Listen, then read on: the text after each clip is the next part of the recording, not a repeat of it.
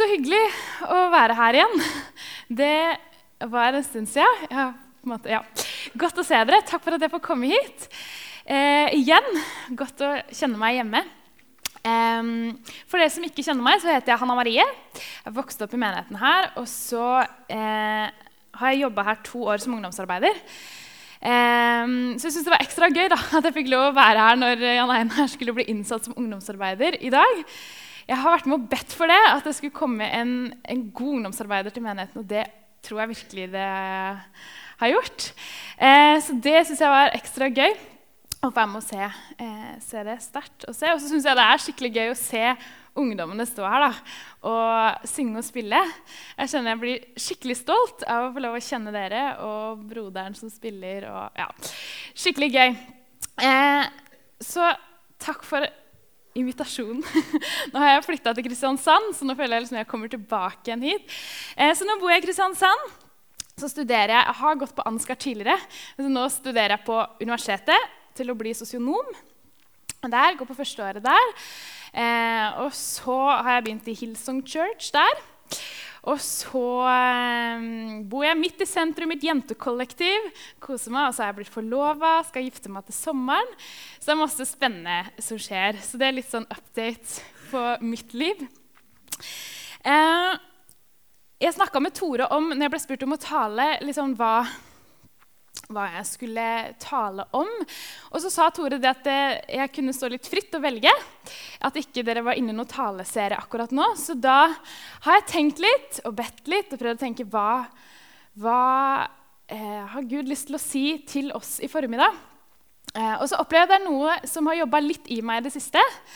Eh, så jeg valgte å sette en overskrift som jeg har kalt for 'Guds plan'. Prikk, prikk, prikk. Og så vet jeg ikke hva slags assosiasjoner du får når du hører uttrykket Guds plan. Det er litt sånn stort og litt sånn overveldende, kanskje. Eh, og kanskje er litt fjernt for noen. Kanskje man får litt sånn piggende ut.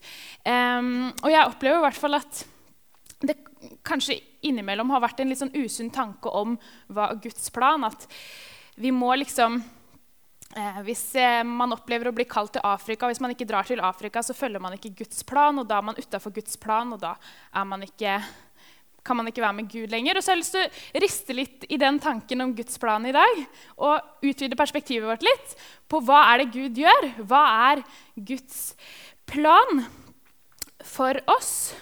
Og for menneskeheten. Og Jeg har satt fire punkter i dag for Guds plan. Jeg er litt sånn systematisk av meg.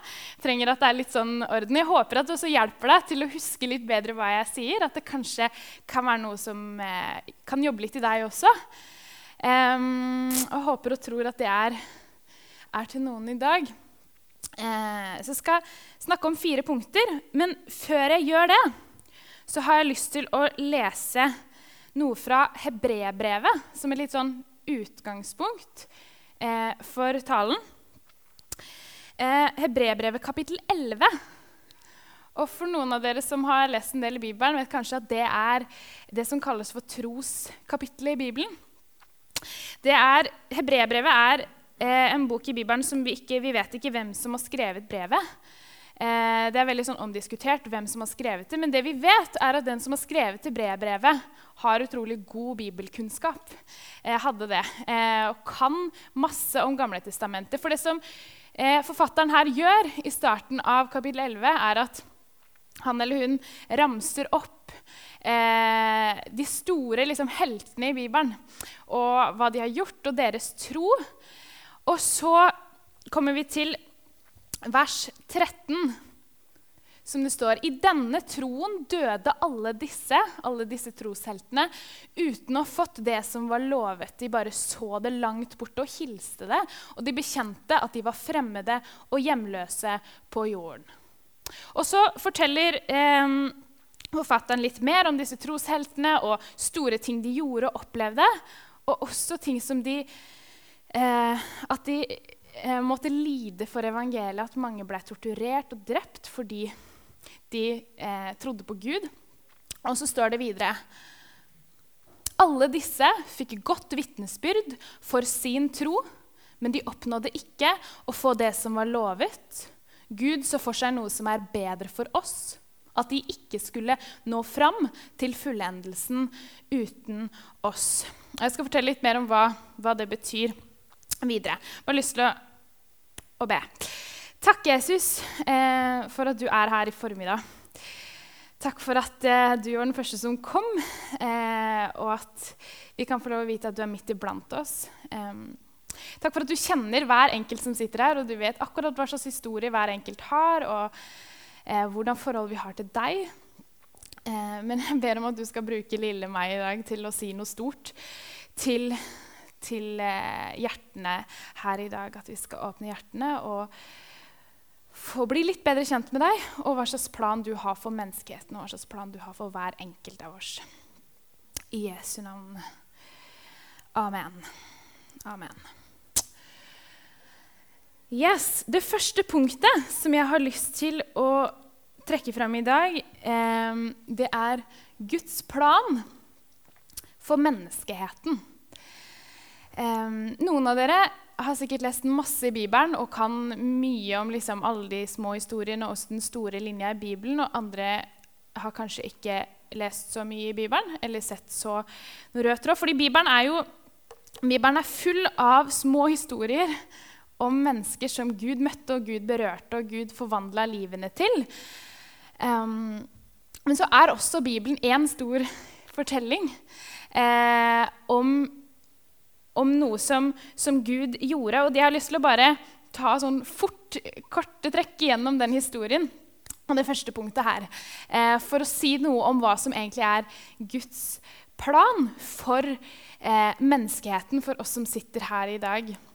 For alle mennesker. Fordi Gud, han, han skapte verden. Gud, den perfekte, store Gud. Eh, han skapte en perfekt verden, og så skapte han mennesket i en perfekt relasjon til han. Men så valgte han å gi menneskene fri vilje fordi han ønska eh, at vi ikke skulle være roboter. Han ønska at vi skulle få velge om vi ville være sammen eller ikke. Og så valgte mennesket vekk Gud. Adam og Eva spiste av det eplet, sånn som eh, det ble fortalt her. Og, eh, og så kom synden inn i verden. Mennesket gjorde, sa imot Gud, gjorde imot det Gud ønska. Og synden kom inn i verden, og fordi Gud er perfekt, så kunne ikke han være sammen med mennesket som ikke var perfekt, for da ville ikke Gud vært perfekt lenger. Og sånn skjedde det en stor avstand mellom Gud og menneskene. Og, og så skjer det at um, at, eh, ja, at, mennesker må gå sin egen vei. Men Gud ser vi gjennom Bibelen her, har et sånn, han ønsker så inderlig å få lov å være sammen med menneskene igjen. Så han legger en plan. En plan for menneskene om at de skal komme tilbake igjen til Gud. Og Gjennom det så, så bruker han masse forskjellige mennesker. Og så har jeg lyst til å trekke fram tre mennesker som, som Gud gir løfter og, eh, og kall. Eh, som han, han, bruker i sin historie for å få menneskene tilbake igjen til han, få oss tilbake igjen til han. Og Det ene er Abraham. Han, han sier til Abraham det at Abraham, eh, jeg vil velsigne deg sånn at du skal være til velsignelse, og sånn at alle folkeslag skal bli velsigna gjennom deg. Og det er veldig latterlig, fordi Gud mener at Abraham skal bli et stort folkeslag. Og Abraham er så gammel, Sara, kona hans, er altfor gammel til å få barn. Han kan egentlig ikke få barn, så han kan egentlig ikke bli et folk. Men så bruker eh, Gud han eh, likevel og gir han en sønn, og så får han masse etterkommere, og så blir det et stort folk, som er israelsfolket, som vi leser om resten av eh, Gamle testamentet. Eh, og Så går det en del år, og så, vi, eh, og så har israelsfolket blitt store. Men så har de blitt tatt til slaver i Egypt. Og så blir Moses født. Og så kommer Gud til Moses og sier du, Moses, jeg lover deg, jeg skal være med deg, og så skal vi to sammen føre israelsfolket ut av Egypt og inn til et land jeg lover. Han, skal komme, eh, ja, han, skal, eh, han lover Moses at israelsfolket skal få vandre ut av Egypt. Og Det er også litt sånn latterlig, fordi at Moses han eh, stammer. Han er ikke noe flink til å prate foran folk. Han er egentlig ikke noe man ser på som noen god leder, men så bruker Gud han likevel til å være en av Bibelens store, store helter og ledere i Bibelen, til tross for hans svakheter.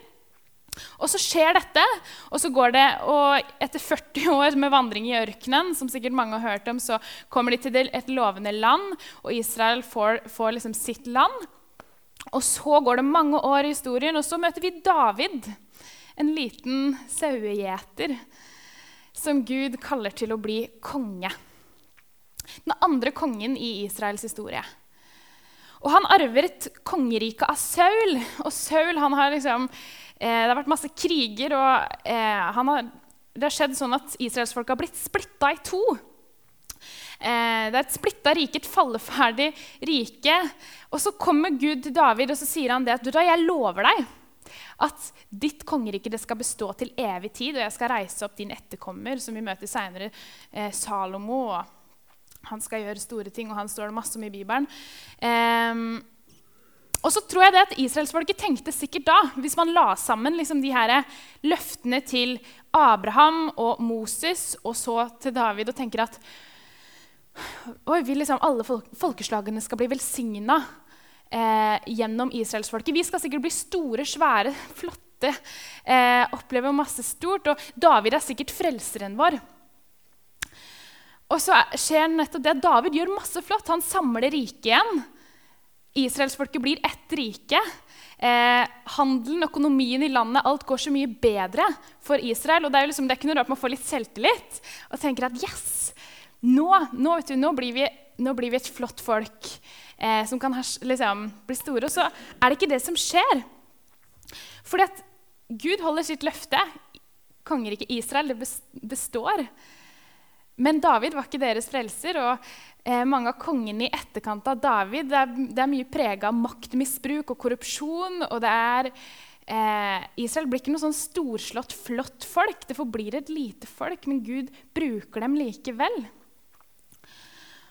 Og det er ikke før Jesus kommer og, For det var en del av, av, Guds plan. At Jesus, som var en etterkommer av Abraham i den slektstavla eh, Han ble født av Maria, som var en etterkommer av Abraham. Eh, det var ikke før Jesus da kom og blei menneske, Gud ble menneske på jorda, og døde på korset, eh, at alle mennesker ble velsigna. For da valgte Gud eh, å ta på seg oss menneskers skyld og det Adam og Eva gjorde, og det vi mennesker har gjort. Og, og på en måte sa en gang for alle så har jeg tatt vekk alt det dere har gjort, og så gjør jeg dere perfekte i mine øyne fordi jeg tar på meg straffa. Og da kom Jesus, og, all, og da blei de løftene som Gud hadde gitt til både Abraham og Moses og David, det ble oppfylt gjennom Jesus. Og det var en del av den store frelsesplanen til Gud. At alle mennesker skulle bli velsigna gjennom Jesus og gjennom, denne, gjennom, det lille folket som egentlig ingen hadde tro på, Israel. Og så um, så blei kontakten mennesket ikke lenger hadde fått lov å ha med Gud, det ble gjenoppretta gjennom Jesus. Og så leser vi, som vi leste om i brevbrevet i stad, alle disse, de som vi har snakka om nå, bl.a. Abraham, Moses, David og også mange andre, de fikk godt vitnesbyrd for sin tro. Eh, men de oppnådde ikke det som var lovet. De, de klarte ikke å, å frelse verden. Eh, det var det bare Jesus som gjorde. Eh, Gud så for seg noe som er bedre for oss. At de ikke skulle nå fram til fullendelsen uten oss. Gud kunne jo valgt å liksom utslette verden der. At eh, nå har liksom noen fått mulighet til å ta imot Jesus. Da utsletter vi verden. Eh, og så kan de som, de som har tatt imot, få være med opp til himmelen, og resten går det ille for. Og så velger Gud å tenke at vet hva, han vet om noe som er bedre. Og det er det at eh, de trosheltene, de store, de skulle ikke nå opp til himmelen uten at vi har også fått en sjanse til det. Og vi også har fått mulighet til det. Og med det så betyr det egentlig at historien er ikke ferdig. Vi er fortsatt en del av Guds plan Guds plan for menneskeheten om at alle mennesker skal få mulighet til å bli frelst. Alle mennesker skal få komme til tro. Alle folkeslag eh, skal få mulighet til det. Og det får du og jeg lov til å være en del av i dag. Som Guds plan for menneskeheten. Vi får lov til å fortsette. Gud gjør fortsatt ting i dag. Guds store plan, at alle mennesker skal få lov til å komme til Han. Så Guds plan for menneskeheten, som han begynte med fra dag én, når Adam og Eva spiste av eplet og synden kom inn i verden, den holder han fortsatt på med. At, og derfor ga Jesus oss misjonsbefalingen før han for opp igjen til himmelen etter at han hadde stått opp igjen fra de døde. Så ga han dem Den hellige ånd, som vi får lov å ha i dag, vi som tror på, tror på Gud, eh, for at vi skal få lov til å gå ut og gjøre alle folkeslag til Jesu disipler. Så det er Guds store plan for menneskeheten. Det er punkt én. Og så er det også det som jeg sa innledningsvis, at det er enkeltmennesker som består av eh, Guds store plan for menneskeheten. Så jeg har lyst til å si at, å snakke om Guds plan for deg. I Johannesevangeliet så står det dere har ikke utvalgt meg, men jeg har utvalgt dere og satt dere til å gå ut og bære frukt, en frukt som varer. Lenge før du og jeg sa ja til, eh, til, å, eh, til, Jesus, til å tro på han og til å gå sammen med han for oss som har gjort det, så har Gud utvalgt deg. Han har utvalgt oss lenge før vi valgte han. Um, og, og, hva er da den planen Gud har for oss? Jo, det er nettopp det at som er en del av Guds store plan, at vi skal få lov å ha en relasjon til Gud. Vi har fått gjenoppretta den kontakten med at Jesus døde på korset. Og så kan vi ha en relasjon til hverandre, og så kan vi hjelpe andre til å ha en relasjon til Gud. En sånn trekant. eh, Guds store plan. Men, men, hvordan kan vi det? Jo, fordi det er, den, den store kollektive planen for oss som enkeltmennesker. Men så er vi også forskjellige mennesker. Og så står det i første Korinterbrev i Bibelen så står det om, om, et bilde på kirka, på menigheten, på, på, på oss kristne, eh, som at vi er Kristi kropp. Og vi har forskjellig Eh, og en kropp består av forskjellige kroppsdeler. Um, og på samme måte som at det er viktig for kroppen å ha de forskjellige kroppsdelene for å fungere optimalt, så trenger man også de forskjellige menneskene eh, i Bibelen. Og Derfor har Gud gitt oss litt sånn forskjellige drømmer. Litt forskjellige, eh, eh, forskjellige gaver, forskjellige talenter for at vi skal få lov til å fullføre den planen med sånn som vi er som mennesker, sånn som Gud har skapt oss. Så hvis du er glad i å synge, sånn som dere som synger her, så bruk det, den sangen, bruk den, den, gaven til å ære Gud og til å eh, også hjelpe andre til å se Gud. Hvis du er glad i tekniske ting, så gjør det for å eh, være en del av Guds plan og ære Gud og hjelpe andre til å være sammen med, til å møte Gud. Hvis du er, har en gave til å være gjestfri, vær gjestfri og bruk det til å ære Gud og til å hjelpe andre opp til Gud. Vi er forskjellige mennesker med forskjellige gaver. Eh, Gud har en plan for deg. Og så kan det være lett å tenke er jeg bare, er jeg bare en brikke i et spill. da? Er bare en, en, brikke i et spill for at Gud skal fullføre sin store plan. Men så står, Og så vil jeg bare si at nei. For i den lille Bibelen, i det som er kjernen i Bibelen, så, så står det det at for så høyt har Gud elsket verden at han ga sin sønn, den enbårne, for at hver den som tror på han ikke skal gå fortapt, men ha evig liv. For så høyt har Gud elsket verden. Og hvis du er en del av det som vi kaller for verden, så har Gud elska deg og elsker deg så høyt at han ønsker å bruke deg. Og så er det liksom Det som jeg syns er så kult, da, og det har jeg tenkt på når jeg satt og forberedte meg, det var det at Gud hadde jo ikke trengt å bruke oss. Han kunne fint klart seg sjøl. Han hadde funnet en annen måte å gjøre det på. Men han ønsker å bruke oss fordi han elsker oss så høyt. At vi får lov og får mulighet til å være en del av hans plan, av hans historie. Og det ble så sterkt for meg at tenk at Gud, skaper av universet, som er så stor og så mektig, ønsker å bruke deg og meg fordi han elsker oss så høyt. Han må virkelig elske oss, liksom, som ønsker å bruke oss som har gjort så mye dumt mot Gud. Og vi får lov til å være en del av historien. Vi får lov til å fortsette eh, og få lov til å være en del av den planen Gud har. Og så elsker han oss selv om ikke vi velger å være en del av den planen. Like høyt, men vi kan få lov. Og det syns jeg er så sterkt. Så vi kan bruke de talentene vi har, store eller små. Og jeg tenkte på i den forbindelse at jeg har lyst til å fortelle en, en kort historie som jeg leste for ikke så lenge siden om Det, var, det skulle være en, um, en um, lunsjkonsert, et konserthus, med en berømt pianist. Det var masse sånne små bord rundt om i lokalet. Og så var det en mor som hadde med seg sin fem år gamle sønn for å øke interessen hans for pianospilling til denne lunsjkonserten. Og Så sitter moren og den fem år gamle gutten ved et bord, og så ser plutselig moren noen av vennene sine her lenger borte. og så og så ber hun sønnen kan ikke du bare vente et par minutter her, skal bare, mamma skal bare bort og snakke med, liksom, med vennene sine litt. Og så går det et par minutter, og så hører plutselig folk fra konserthuset en sånn eh, skjelvende eh, pianospilling eh, fra flygelet som står i midten.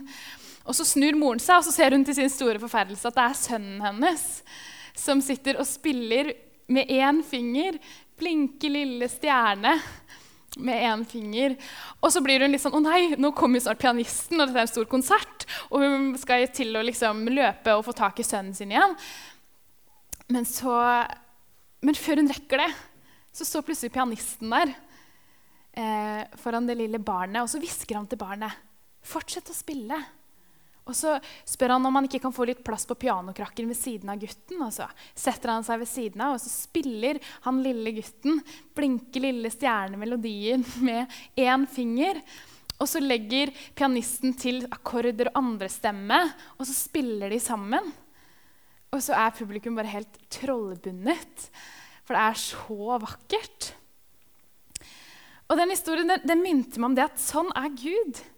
At han vil bruke vårt våre talenter, våre gaver, sånn som vi er, den delen vi er av kroppen, til å gjøre noe storslagen, til å gjøre noe stort. Uansett hvor stort eller lite talent, eller om vi ikke føler vi har noe talent, så vil han hviske til oss fortsett å spille. Gi meg litt plass.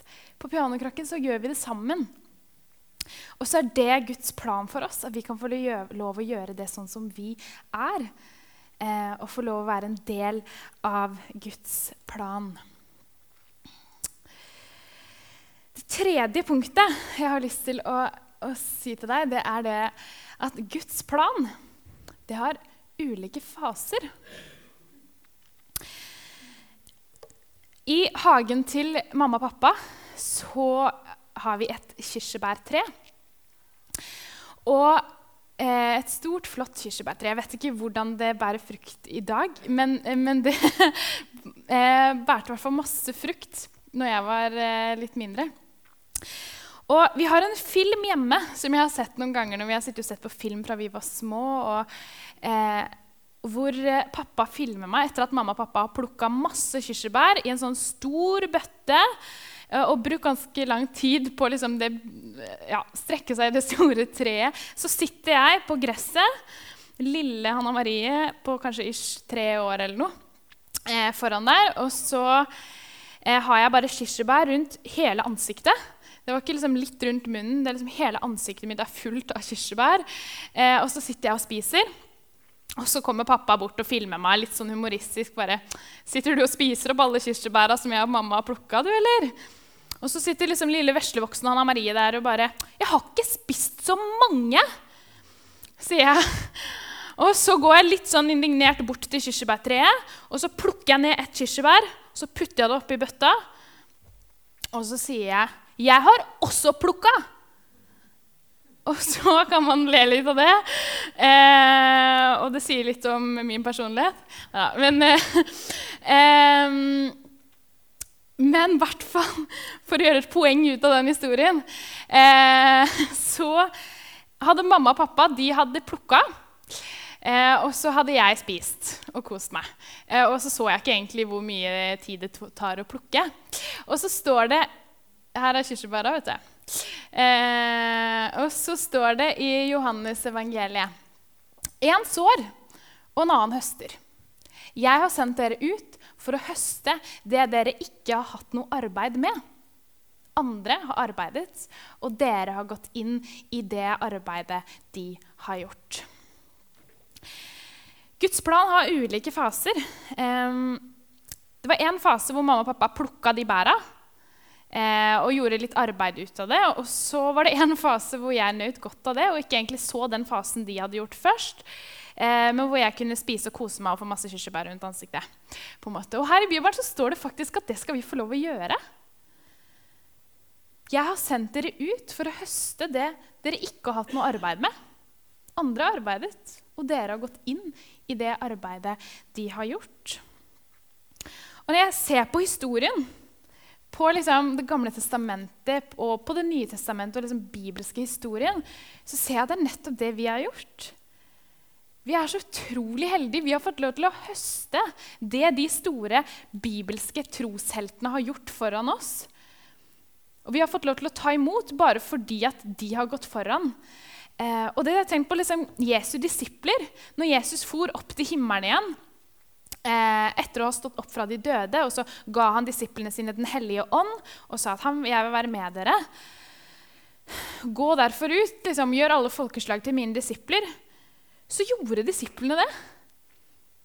Og gjennom det så spredte eh, evangeliet om Jesus spredte seg rundt til alle folkeslag.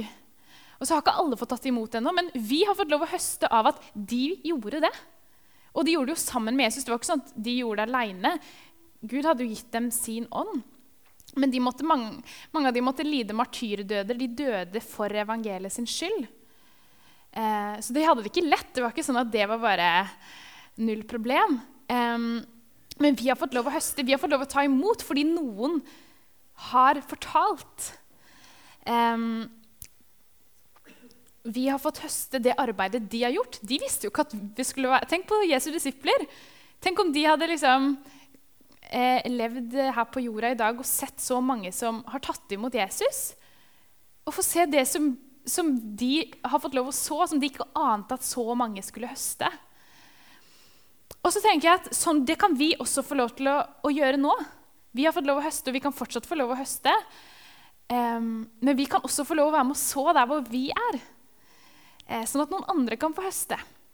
Og så hadde jeg en god samtale med Jorunn, en av mine beste venninner. Hun er i Ecuador akkurat nå eh, og har vært på misjonstur der i snart seks uker. Kommer snart hjem igjen. Eh, hun er utsendt fra Gå-ut-senteret i Trondheim, der hun går på bibelskole. og hun, Vi snakka om det. Er, har det noe poeng? Har det noe poeng at liksom, hun er på misjonstur i seks uker? Eh, har det noe poeng at jeg er der hvor jeg er i den lille korte perioden der? Eller har det noe å si hvis, hvis, ikke man ser at folk tar imot Jesus? Og så er det nettopp det det står her, at det er ikke alltid vi, vi får lov å se eh, det som skjer, men vi kan få lov å være med og så inn et frø. Og så får vi kanskje aldri se at det blir høsta. Men så er det noen som får lov å ta imot fordi vi har sådd det lille frøet der hvor vi har vært. Og det er en del av Guds plan, og det vi får lov til å være en del av. Nå skal jeg straks gå mot avslutning. Men jeg har bare lyst til å oppsummere, oppsummere de tre punktene jeg snakker om nå, før jeg bare avslutter med det fjerde punktet mitt. Og det er det at Guds plan, som jeg sa, Gud har en plan for menneskeheten, det store kollektivet, at alle skal få lov til å ta imot Jesus, få mulighet til det. Eh, og så har han en plan for deg til å, å eh, å gjøre det her med sånn som du er, med det store eller lille talentet du har, med den personligheten du har, sammen med Jesus. Og så har Guds plan ulike faser. Noen ganger høster vi, andre ganger så sover vi. Um, og så kan vi få lov til å, å ja, få være en del av de ulike fasene. Og så har jeg lyst til å si det fjerde punktet, og det er Guds plan for uverdige mennesker. Det er så lett å tenke at Guds plan bare er for noen. At eh, det er for de som virkelig får det til. Og det er så lett å havne i to grøfter. da. Og jeg merker at jeg, jeg beveger meg ofte litt mellom to ulike grøfter. Enten så tenker jeg at jeg sjøl, jeg er ikke verdig.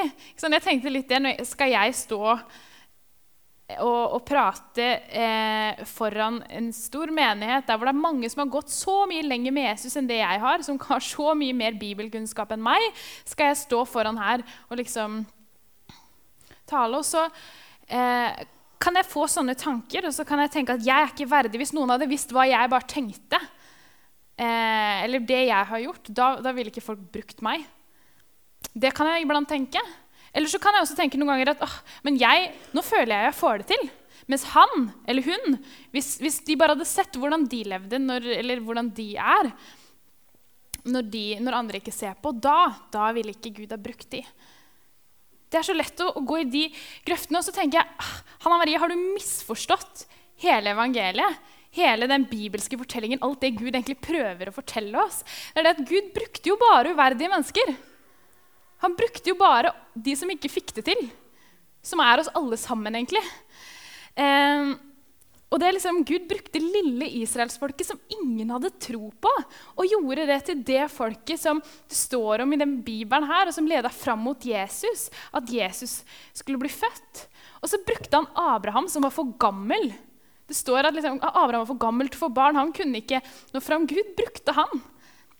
Og så brukte han Moses, som stamma ikke kunne prate foran folk. Og han gjorde han til en stor leder. Og så brukte han David, som gjorde masse godt. Og, men han var en liten gjetergutt, for det første. Eh, men selv om han også ble en stor og flott konge, så hadde han sine svakheter. Han hadde en affære med en gift kvinne.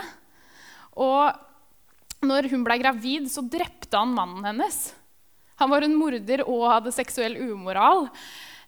Og så likevel, så fordi at han, eh, han ønsker å, å, være sammen med Gud og innser at oh, han var ikke verdig, så, så sier Gud at hva, han er en mann etter mitt hjerte. Og så bruker Gud oss uverdige mennesker som en del av sin store plan for menneskeheten og for, for deg, for meg, i de ulike fasene vi er i, noen ganger når vi høster, og noen ganger når vi sår. Menneskeheten, deg, har ulike faser for uverdige mennesker. Um, jeg har bare lyst til å avslutte med å, å lese en, en, liten fortelling. Eller en bitte liten tekst, egentlig. Um, Lovsangstimen dere kan få lov å komme opp. Eh, og så har jeg lyst til å si det at eh, nå, De kommer til å spille én sang, og så eh, og så blir det mulighet for forbønn i kroken her bak. Det er mulighet til å tenne et lys i, i uh, lysgloben. Så benytt, deg av det. Uh, og så kommer jeg opp og lyser velsignelsen etter det. Uh, så skal jeg lese den lille fortellingen, og den heter 'Hvilke hender', som står i en bok som heter 'Alltid elsket'. Um, og jeg har lyst til at du skal tenke på det. Hvilke, hvilke hender i, I, hvilke hender legger du eh, livet ditt? Og hvis du velger å legge det i Guds hender, så har han den store, gode planen for deg. Um, og han ønsker å, bruke deg bare fordi han elsker deg.